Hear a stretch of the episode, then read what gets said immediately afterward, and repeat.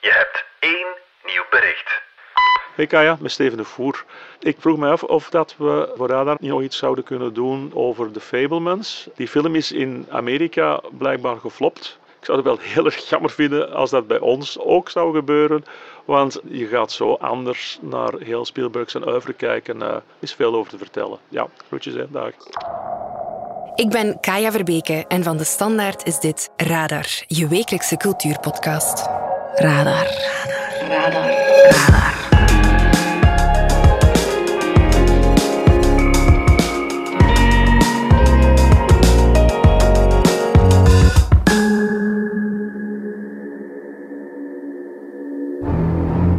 Al 60 jaar maakt de Amerikaanse regisseur Steven Spielberg meesterwerken. We kennen hem van het bloedstollende Jaws en de avontuurlijke Indiana Jones films.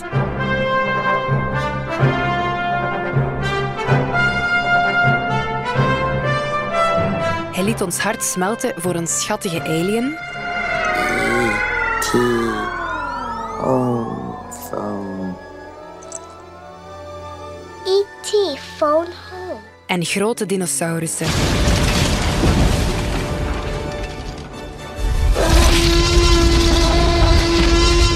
Ook klassiekers zoals Schindler's List en Saving Private Ryan. I didn't do enough. You did so much. En nu kun je in de bioscoop gaan kijken naar The Fablemans. In this family, it's the scientists versus the artists. Een heel persoonlijk verhaal. I've been hiding from this story since I was 17 years old. En dat zijn we van hem niet gewoon. Spielberg blijft ons verrassen.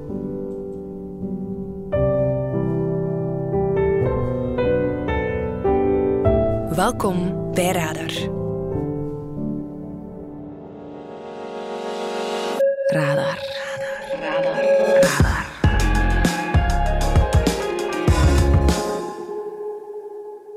Dag filmredacteur Steven de Voer. Dat kan je. Steven Spielberg heeft al heel wat meesterwerken gemaakt. hè? E.T., Jaws, Jurassic Park. Heb je een favoriete Spielberg? Het is heel moeilijk in zijn geval, omdat eh, het zo'n uiteenlopend werk is. Ik denk in ieder geval dat E.T., en ik, ik weet dat het een evidente keuze is, maar dat is zo fenomenaal goed gemaakt op alle fronten. Ja. Dus ja, dat is absoluut een, een favoriet. En dan op het andere uiterste te nemen, van serieus dan, eh, uiteraard, ja, Schindler's List. Ja. Maar niet elke film vind je goed, hè? Wat zijn Nee. zo zijn flops? Wel, dat is een beetje het punt bij Spielberg. Je kunt zo een lijstje van tien briljante films opnoemen. Er zijn heel weinig filmregisseurs in de geschiedenis die tien briljante films hebben gemaakt. Maar als je zijn hele oeuvre gaat bekijken, dan zeg je, ja, Spielberg heeft ook 1941 gemaakt. Dat is een eh, zeer dure en fenomenaal, terecht fenomenaal geflopte oorlogsfilm, oorlogscomedie. Müssen sofort umkehren. Wir sind schon viel zu tief in amerikanischem Territorium. Uh, Hook, I want you to take your ship and go. And I never want to see your face in Neverland again. War Horse, What is it? It's a horse they find wandering about in no man's land. What kind of an horse? A miraculous kind of an horse, be my guess. iets dat er nog wel Oscar-nominaties heeft gekregen en zo. Omdat die, die mensen van die Academy echt om het even welke hoeveelheid stroperig sentiment kunnen hebben. Maar dat is echt niet te doen in die film. Enkele jaren geleden eh, Ready Player One. There's nowhere left to go. Nowhere. Except the oasis. Waarbij je dan denkt van ja, maar je bent 70 jaar en je gaat een film maken over games. Er is een leeftijd voor alles en dat is misschien niet meer helemaal voor jou. Ik vind dat een duidelijk onderscheid tussen eh, Spielberg en andere hele grote regisseurs. Van zijn generatie bijvoorbeeld, als je vergelijkt met Scorsese. Die heeft ook al wel eens een mindere film in zijn oeuvre, maar ik kan mij geen slechte film van Martin Scorsese voorstellen. En zo heeft Spielberg dus gemakkelijk een handvol. Ja. Nu, Steven Spielberg heeft ook heel wat verschillende soorten films gemaakt. Hè. Er is precies zo geen echt rode draad te zien in zijn oeuvre. Nou ja, tenzij wat evidente rode draad is voor veel mensen is natuurlijk ja, is, de, is de aliens en, en Ja, de monsters de en zo. de Hoewel dino's, dat ja. eh, merkwaardig genoeg, het is een andere eh, min of meer rode draad die minder opvalt. Maar eh, de Tweede Wereldoorlog is ook wel Ah, ja. heel erg aanwezig in zijn werk. Maar goed, hij heeft er zoveel gemaakt en die gaan van stijl en qua onderwerp zo ver uiteen dat je inderdaad moeilijk kunt zeggen wat is een typische Spielberg-film. Ja.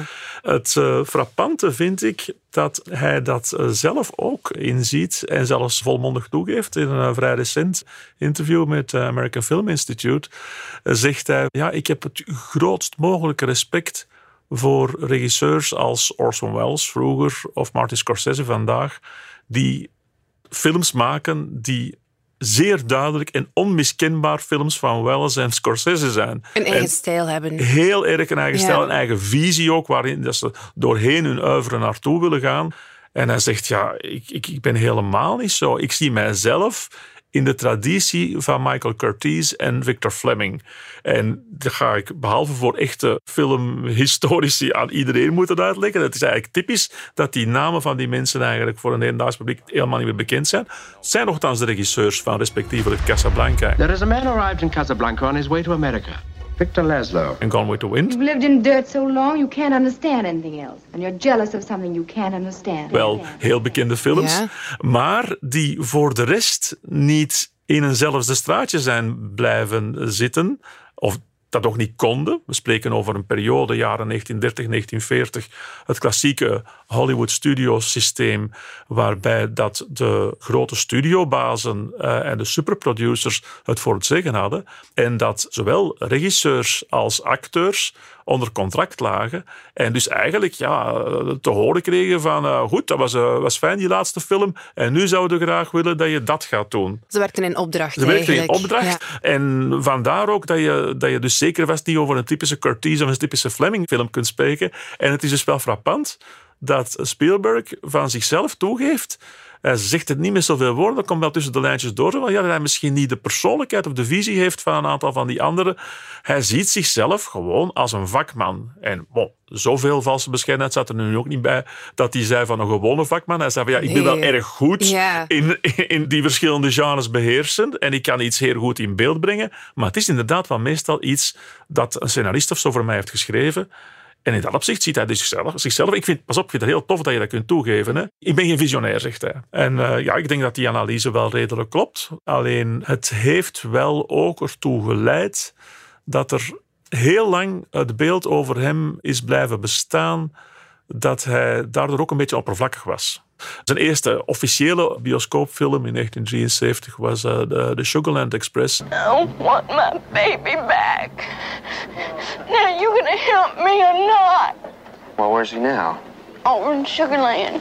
En Pauline Kael, toen en waarschijnlijk nu nog altijd de beroemdste filmcritica ever, die schreef toen van ja, ja, fantastisch talent. En we hebben hier echt iemand gevonden die bijna beter dan op het even wie een publiek kan meenemen en entertainen.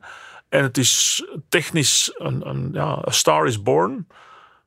Maar ik vraag me wel, schreef Pauline Kael toen, ik vraag me wel af of dat eh, wat we aan de oppervlakte zien niet alles wat er te zien is. En het grappige is dat Spielberg achteraf heeft toegegeven, al in verschillende interviews, van ja, Paul Keel had natuurlijk gelijk. Ik was, hij was ook zo een, wonderkind. Hij, hij- was maar een jaar of 28 of zo. En dan zei ik het heeft jaren geduurd voordat ik een beetje ben begin te, te rijpen. En dus ja, vandaar dat imago van oppervlakkigheid is wel altijd wel blijven hangen. Eigenlijk is dat zelfs tot, zo laten we zeggen, rond de late 20e eeuw, tegen de eeuwwisseling aan pas beginnen veranderen. Ja, als je natuurlijk dingen maakt als uh, als je een List en Mhm. Saving Private Ryan, Mhm. dan ben je wel bezig met je image van kinderachtigheid en oppervlakkigheid uh, achter u te laten. Uh. Ja, en nu The Fablemans is ook wel een heel ander soort van film. Het is veel persoonlijker. Mhm. Het is de meest persoonlijke film die hij eigenlijk al gemaakt heeft, hè? want het gaat over zichzelf. Ja, een zeer klein en intiem verhaal zonder special effects, omdat hij echt het verhaal wilde vertellen over zijn eigen jeugd, over hoe hij in zijn gezin en op school en hoe dat hij als, als ja, jonge, wat onzekere Joodse jongen in uh, Amerikaans suburbia groot werd. En tegelijkertijd hoe dat zijn fascinatie, obsessie met film is ontstaan. En dus die combinatie van die twee dingen maakt dat uh, je zegt van ja, goed, ja, die uh, portrait of the, of the artist as a, as a young man. Hè, hebben we al vaak gezien. Levert niet altijd, tenzij je superfan bent van degene die beschreven wordt, levert niet altijd de meest spannende films op. Mm-hmm. Maar in dit geval, het is tegelijkertijd zeer zelfkritisch. Het is hartverwarmend. Het is ook vaak geestig. Je zit er naar te kijken en ik, ik herinner me dat ik meteen na afloop dacht van hoe doet hij het? Want je zou hem kunnen beschuldigen van narcisme. Want, ja, is het niet een beetje navelstaren? Ja, dat klinkt zo. Hè? Uh, wie, wie, maakt er nu een film over, over zichzelf? zichzelf ja. Uh, maar het is door dat onwaarschijnlijke metier van hem. Ja, hij had dat talent al kindsbeen af in zich. Hij is zo goed met die camera. Hij is zo goed in één vloeiende beweging je alles te laten zien.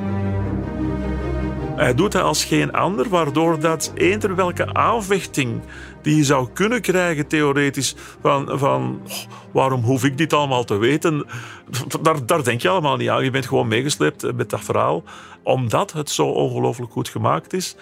En dan ga je dus achteraf naar huis en dan begint eigenlijk het huiswerk. Omdat door de vele dingen die worden aangeraakt uit zijn eigen persoonlijke leven, en het is allemaal zeer waarheidsgetrouw, door die vele dingen die worden aangeraakt, begin je automatisch te zeggen van, goh, verdraaid. Maar die en die en die film, die ik allemaal erg graag heb gezien, maar die ik ook, zoals iedereen, altijd van dacht van, ja, veel persoonlijkheid of authenticiteit zit er niet in. Dit is gewoon een uitstekend gemaakte film, maar je hoeft er niet verder eh, iets achter te zoeken.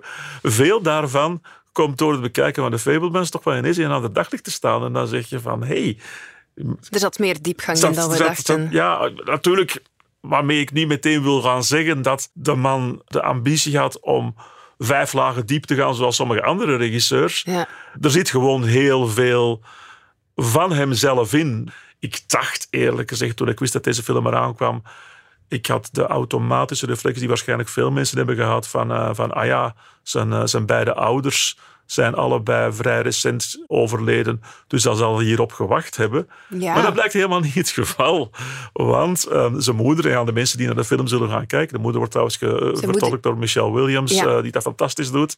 Maar die moeder, die is dermate flamboyant en ook heel erg kunstzinnig en creatief en zo. Ja, ik was eigenlijk ook wel niet verbaasd om dan te, te horen en te lezen in interviews dat hij zei van nee, mijn moeder, die had dat juist heel graag wel meegemaakt Zelfs in haar kleine kantjes en zo, maar gewoon om zichzelf zo te zien schitteren op het witte doek, zij het vertolkt door iemand anders. En die moeder die heeft blijkbaar al jaren tegen hem gezegd van, uh, van Steve, hoe zit het nu eigenlijk? Wanneer gaat je er nu mee stoppen met, uh, met uw eigen verhaal van vroeger te vertellen via allerlei metaforen? En wanneer ga je het eens gewoon echt vertellen zoals het gebeurd is. En waarom heeft hij dan zo lang gewacht? Ja, uh, er, ook niet goed durven uh, Het is een belangrijk beginnen. verhaal natuurlijk. Ja, hè? en dat is iets, dat is wel een beetje een constante. Je ziet daar ook dat minder visionaire, iets oppervlakkigere bij hem in.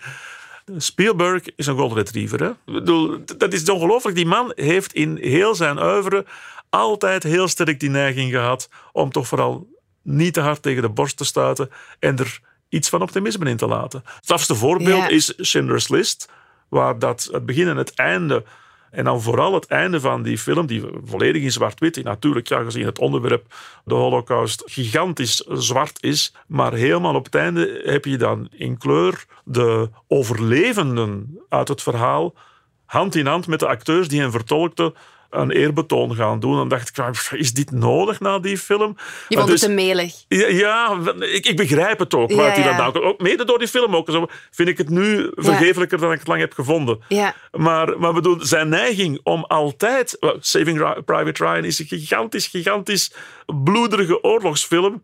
Maar heeft, vertelt eigenlijk ook het optimistische verhaal van iemand die eruit is gehaald. Dus, dus hij heeft dat altijd heel sterk gehad. Die neiging om zeker en vast niet te donker te worden. Ja, we hebben het al gehad over zijn moeder, maar ook zijn vader komt uitgebreid aan bod. Wie was zijn vader? Uh, computernerd tot en met. Een van de mensen die eigenlijk, uh, ik zeg computernerd, spreken de jaren 50, echt computers bestonden nog niet, maar wel iemand die voor IBM de eerste computers mee aan het ontwikkelen heeft geweest. En die dus daardoor regelmatig moest verhuizen. En die, ondanks het feit dat hij het beste voor had met zijn vrouw en met zijn kinderen, gewoon getrouwd was met zijn werk. En nu spoil ik misschien een klein beetje, maar ook wel niet te veel voor wie zijn films heeft gezien. Want hoe vaak, en E.T. is een van de beste voorbeelden, Elliot heeft wel een buitenaards vriendje nodig.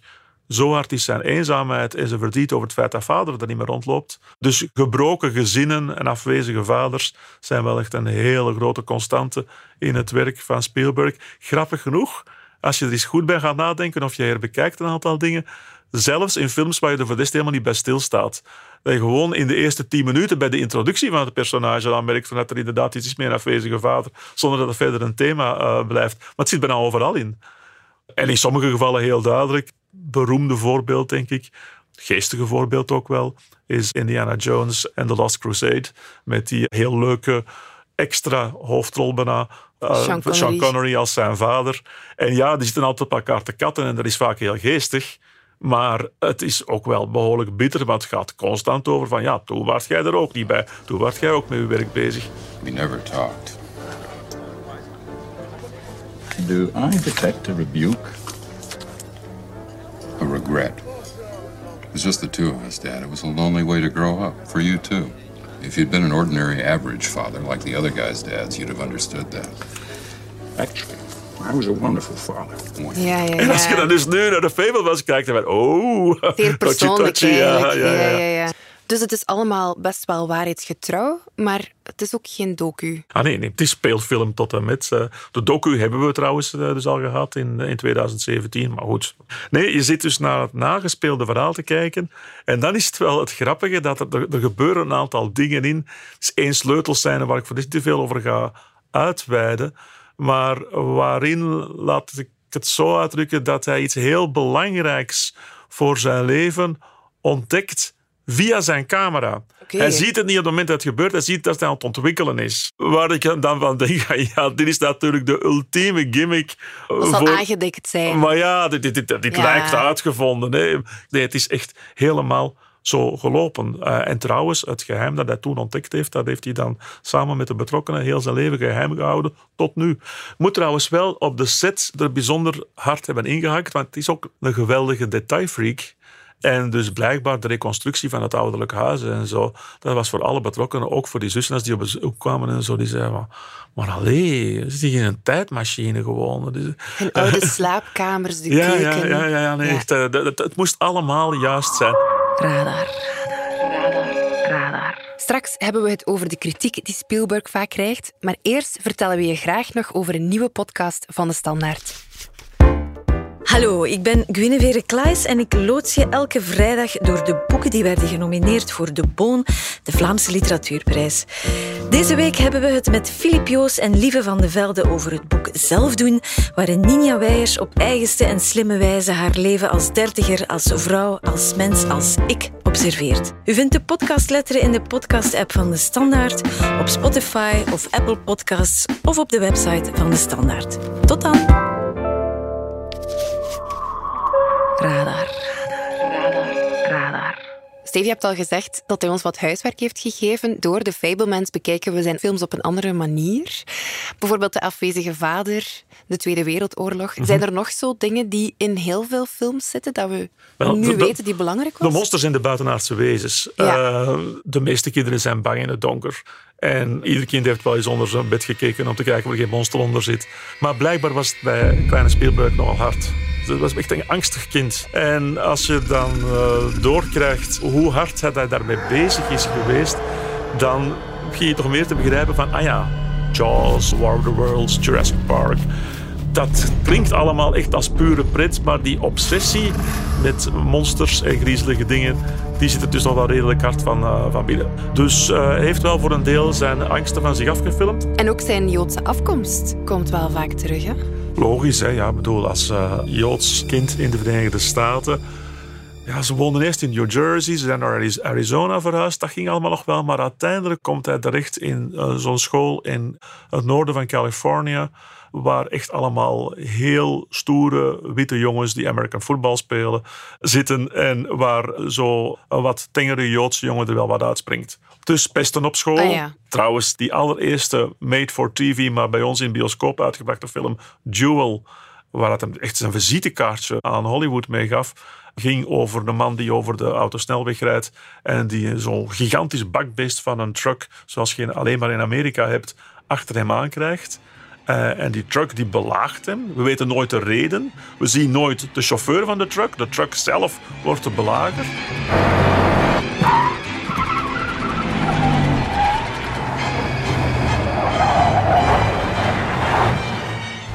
What happened? The truck driver tried to kill me. En dat is een hele spannende film. Maar waarbij hij zegt van ja, wel, Jewel was mijn afrekenen met uh, bullies, met pestkoppen op de, op de speelplaatsen. Die hadden ook geen reden. Hè? Ja. Uh, dus dat alleen al. Maar dat Joodse, ja, het maakte ook. En dat zit niet in de Fableman zo, maar dat krijg je wel mee in die documentaire en in, in latere interviews met hem en zo. Als je voelt dat je wordt geviseerd en dat je het buitenbeentje bent, dan wil je dat niet zijn. En dus thuis was dat Joodse constant aanwezig. Veel familieleden gesneuveld in de, in de holocaust, veel over gepraat. Moeder gaf les aan holocaust-overlevers die nog Engels moesten leren en zo. Dus altijd mee geconfronteerd. Maar van gauw dat je op straat was, of op school, niet meer. Dus op een gegeven moment, als zijn opa in de tuin staat om hem te roepen voor het eten, en hij roept Schmoel, Schmoel, Schmoel is de, de Joodse voornaam voor hem, dan zeggen die vriendjes allemaal van, uh, ze zijn nu precies aan het roepen. En dan heeft hij dus gezegd van, nee, nee, ik weet niet wie dat is, dat is niet voor mij hoor. Ah, okay. En dat geeft natuurlijk een kind wel uh, serieuze issues, dat, Ja. je, dat je eigenlijk loopt te ontkennen Wat je naam is. wat je, je naam en je Ja. identiteit is. Ja. Het geeft ons natuurlijk heel veel extra informatie om zijn vroegere films te herbekijken. Mhm.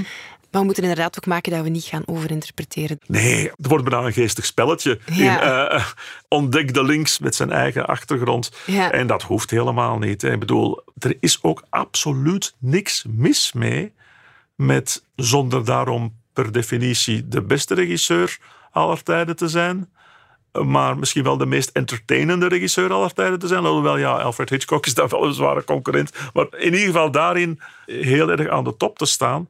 Zonder dat we dan nu eh, constant moeten gaan afwegen van, van wat is er authentiek, wat is er uit zijn leven gekomen. Het geeft alleen, het geeft wat meer patin, vind ik, Ja. aan, eh, aan, aan die films. Dat, Ja. je, dat je zegt, ja, dit is niet gewoon knal verzinnen voor het plezier van te verzinnen. Hier zat wel degelijk meer dingen waar hij sinds zijn jeugd mee worstelde achter dan dat we vermoeden. En dat, dat, is wel boeiend om dat eigenlijk zo laat in zijn Ja. carrière eh, nog opeens erbij te krijgen. Nu, tot slot, Steven, we hebben het nog niet gehad over de muziek, want die is van John Williams. Ja, die is altijd van John Williams. Ja. Eh, dat is het geval vanaf het eh, prille begin. Spielberg omringt zich graag door mensen waarmee hij een lange band mee heeft. Eh, Zeer frappant dat hij dat dan iets minder doet met acteurs. Hij heeft niet, zoals bijvoorbeeld Scorsese wel heeft. Scorsese, dat is natuurlijk een duobaan lang geweest met eh, Robert De Niro. Huh? What did I tell you? What did I tell you? What did I tell you? You don't buy anything, you hear me? En ja, Spielberg heeft dat ook wel wat, maar dan. En misschien is dat dan weer iets dat, dat iets oppervlakkiger van Spielberg wel meegeeft. Wie is de meest typische Spielberg-acteur? These are so perfect, the bank doesn't even know the difference. Everyone deserves a defense. Every person matters. Dat is Tom Hanks. De uitstekende acteur, maar zo, ja, toch ook iemand met minder, minder groefjes in, met een wat sympathieker imago en zo. eh, Ja, Ook een golden soort- retriever eigenlijk. Ja, ook een golden retriever, ja. Ja, maar met de Fablemans gaat hij dus opnieuw op zoek naar diepgang. Misschien zal dat onze visie op hem toch wel een beetje veranderen. Dankjewel, Steven. Graag gedaan. Radar. En ik heb hier nog een extra cultuurtip voor jou. De tip komt deze week van... Inge Scheldstraat, cultuurredacteur. Wat is jouw tip? Reservation Dogs, een serie op Disney+. En waarom? Stel je voor dat David Lynch een tienercomedie zou maken, dan kom je een beetje in de buurt van wat Reservation Dogs is. Het is een serie die zich afspeelt in een indianerreservaat. En even als waarschuwing, het is niet voor de fans van Indiaanse spiritualiteit en wijsheid, want daar wordt in de reeks voortdurend de draak mee gestoken. You and your buggy ass friends. What are you gonna fight for? Nah, I just with you. Het is wel een tienercomedie met hele kleine stukjes drama, want het gaat over tieners die proberen een boeiender leven op te bouwen dan hun ouders in het saaie reservaat. Are you girls running away? Yeah. Damn, I'm so jealous. Maar die ook moeten in het reinen komen met de dood van een van hun vrienden. Tell them the effects of it will linger on in their hearts until they deal with the guilt inside. Die humor doet misschien denken aan Jojo Rabbit van Taika Waititi, de Nieuw-Zeelandse regisseur. En dat is ook geen toeval, want hij heeft de reeks bedacht. En het is ontzettend grappig op een absurde manier. En er zit ook heel veel waarheid in. En het is vooral zeer charmant. Dus Reservation Dogs op Disney Plus, tweede seizoen.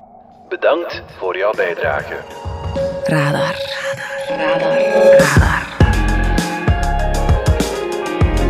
Zo, dat was Radar, de wekelijkse cultuurpodcast van de Standaard. Alle credits vind je op standaard.be-podcast. Bedankt voor het luisteren en uh, tot volgende week. Hè.